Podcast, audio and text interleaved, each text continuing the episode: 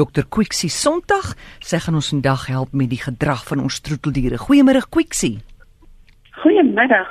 Baie dankie vir die geleentheid. Dis 'n groot plesier man. Dankie vir jou tyd. Ek val sommer hier weg met die eerste vraag van iemand wat sê: "Watter raad kan jy gee?" Sy het 'n Staffy wat 5 jaar oud is en die vrou gaan nou vir 2 weke op vakansie en sy wil weet hoe kan sy haar Staffy sielkundig voorberei vir die hondehotel?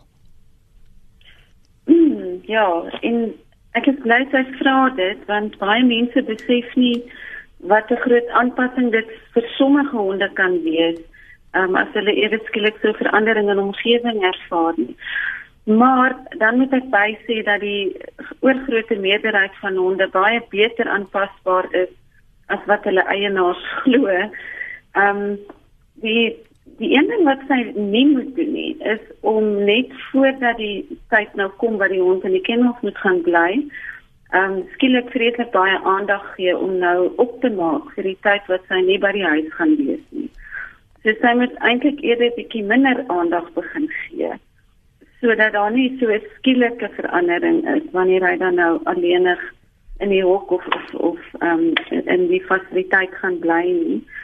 Ehm um, ehm um, sy kan ook net seker maak dat hy ehm um, items het met sy eie reuk op en ook met mhm. haar reuk op. So as hy dalk 'n ou TM het, dra hom vir so 'n paar ure en stuur hom saam met die hond in sy eenheid in waar hy gaan slaap. Ehm um, die reuke wat bekend is, gaan hom definitief gemakliker laat voel.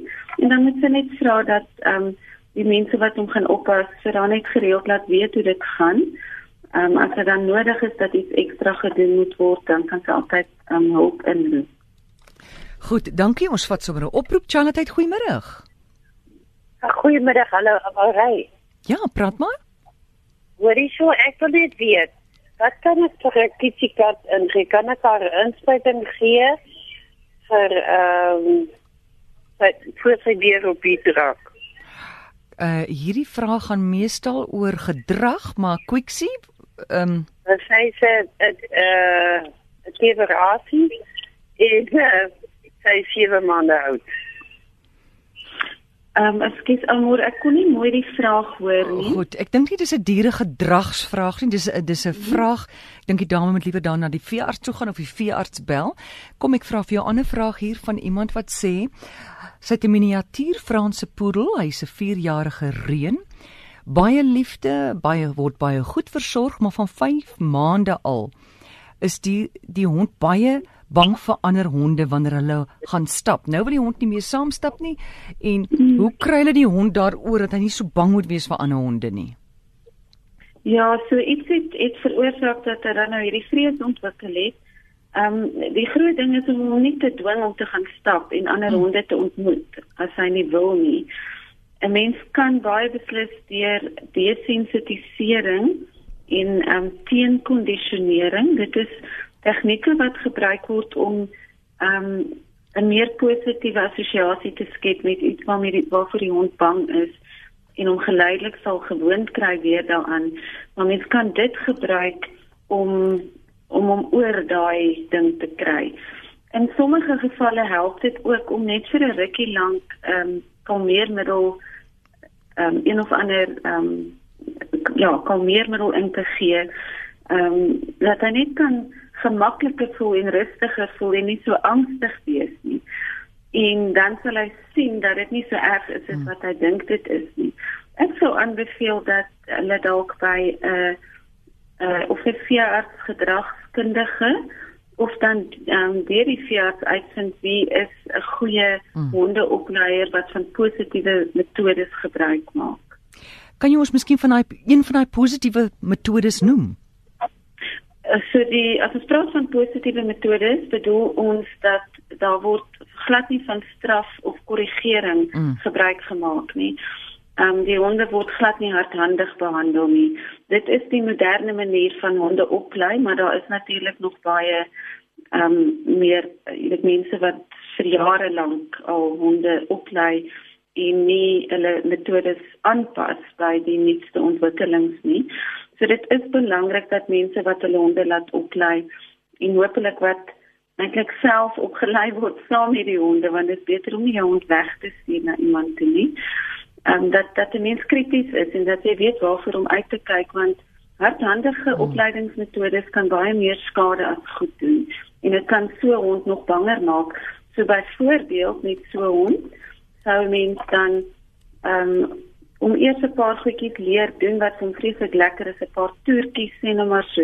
Poot gee of net mooi gaan sit en ehm um, lê en sulke goedjies en hy kry 'n beloning elke keer as hy dit doen. En dan laat jy 'n vreemde hond in die verte verskyn. So met moet dit beheer, mm, ja. die situasie kan beheer. En dan gee jy hom al hierdie lekker beloningkies, ja. solank as wat hy mooi kan fokus en dan kan jy die hond, die vreemde hond geleidelik nader laat kom of hierdie ouetjie dan nou nader aan die vreemde hond laat beweeg. Maar alles in baie klein stappies en heeltyd gepaard gaande met beloning.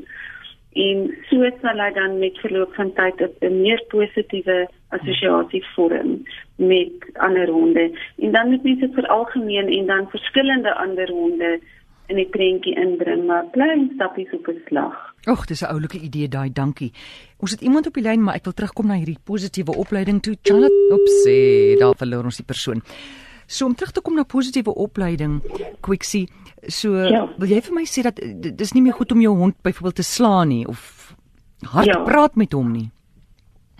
Ja, weet jy dit dit is nie eintlik nodig nie. As 'n hmm. mens verstaan hoe om beloning en um, wat ons noem positiewe versterking te gebruik, hmm en natuurlik om ehm um, 'n mens moet leer om goed te kan voorspel, net soos met kinders. Um, 'n ma wat nog nie besef het dat haar kind dalk 'n tantrum gaan gooi by die lekkers in die mm. supermark, um, doen nie goeie beplanning nie en dit is dieselfde mm. met um, honde wat wat um, ongewenste gedrag het.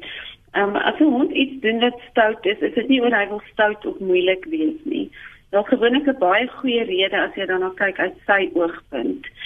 En as 'n mens kan voorspel en jy weet daar's wanneer dit is wanneer hierdie probleme ehm um, voorkom of ehm um, watter triggers dit aan die gang sit, dan kan jy begin beplan. En jy kan sê, "Oké, okay, ek gaan nou voor die gaste kom, gaan ek die hond liewerster in sy lekker plekkie gaan toemaak." En dan is dit 'n lekker plekkie wat jy alreeds nie ehm um, jy weet voor die mense gekom het seker gemaak het dat daar speelgoed en kougoed en gemaklike lêplek en so aan is. Ehm um, sodat jy nie in 'n situasie plaas waar hy dalk teen die ouma spring en haar laat omval en haar bene laat breek nie. Mm. Ehm um, ek dink mense beplan net nie altyd genoeg nie en dan is die ander ding natuurlik om altyd te dink aan wat kan ek beloon? Wat wat kan die hond eerder doen as die goed wat ek wil hê hy moet nie doen nie? En as jy so 'n hond sien maar kan leer om mooi te sit, wat nie moeilik is nie. Die die meeste honde kan dit baie vinnig aanleer met beloning. Ehm um, dan kan 'n mens hom leer wanneer die ouma kom kuier dat hy mooi moet gaan sit op sy plekkie en hy sal nog steeds sy beloning kry. Ehm um, so dit is net 'n ander manier van van dink en dit is ook iets wat 'n mens in jou kop moet ehm um, dit is so 'n paradigma skuif wat jy maak in jou kop. Van in plaas van altyd kyk na die probleemsituasies en dit dan refleksief te wil regmaak wanneer dit eintlik al te laat is beplan eerder positiewe situasies waar jy die hond wel kan beloon want honde doen wat beloon word. So as jy positiewe situasies kan skep waar die hond soet is en jy wys vir hom dit is waarvan jy hou, gaan jy vind dat hy dit meer en meer gaan doen. Leon van Witbank wil weet hy sê hy het 'n husky. Dis 'n husky kruising. Ja, skus tog. 5 maande oud en die husky grou knaand gate in die tuin. Wat kan hy doen om te help dat die hond dit nie meer doen nie? Huskies is maar honde wat ehm um, uit hulle oorsprong uit natuurlik hou daarvan om om fisies aktief te wees in groot areas um, in groot areas rond te beweeg. So ek dink hulle raak baie keer bietjie gefrustreerd in ons um, erwe. Ehm um, gate groter sy is 'n normale hondegedrag wat baie honde doen. Ehm um, dit kan so word dat dit 'n probleem word vir 'n mens. Ehm um, daar's baie moontlike oorsake. Die mees algemene rede hoekom 'n hond sal gate grou is omdat hy wil gemaklik lê. Ehm um, veral as dit nou warm word en as dit iets is wat nou onlangs begin het, is dit waarskynlik het dit waarskynlik te doen met die verandering van die seisoene want grond het 'n um, termoregulerende effek. Dit beteken as jy in grond gaan lê op 'n warm dag, gaan jy afkoel. En as jy in grond gaan lê op 'n koue dag, gaan dit jou warmer maak. En dit is hoekom honde gate grou, net om dit eenvoudig gemaklik te wees, nie te warm of te koud te kry nie. Maar daar's ander redes mm. ook. Um, dit kan ondersoekende gedrag wees want hulle kry goggetjies en wurmpies en goetertjies waarmee hulle bietjie kan speel. Dit kan ook frustrasie wees en dan sal mense baie beslis moet aanspreek en 'n uh, gedragskundige inkry om om te probeer bepaal wat aangaan. En dan kan dit natuurlik ook wees dat daar um, as dit 'n reënhond is, is daar miskien 'n teef iewers op hy te en hy grawe om onder die draad deur te kom om te gaan soek. Ehm um, so daar daar's 'n verskeidenheid redes en dit is dalk beter om die spesifieke geval um, met 'n um, deskundige te bespreek. Goed, Quixie, ek gaan jou groet. So lyk my diere gedrag gaan maar oor mense gedrag. Wel, hulle pas baie nou in mekaar in, ja. En wat ons doen het 'n groot effek op wat hulle doen. Mm. Ja, dis baie insiggewend. Dankie Quixie en wonderlike naweek vir jou. Baie baie dankie selfs te daar.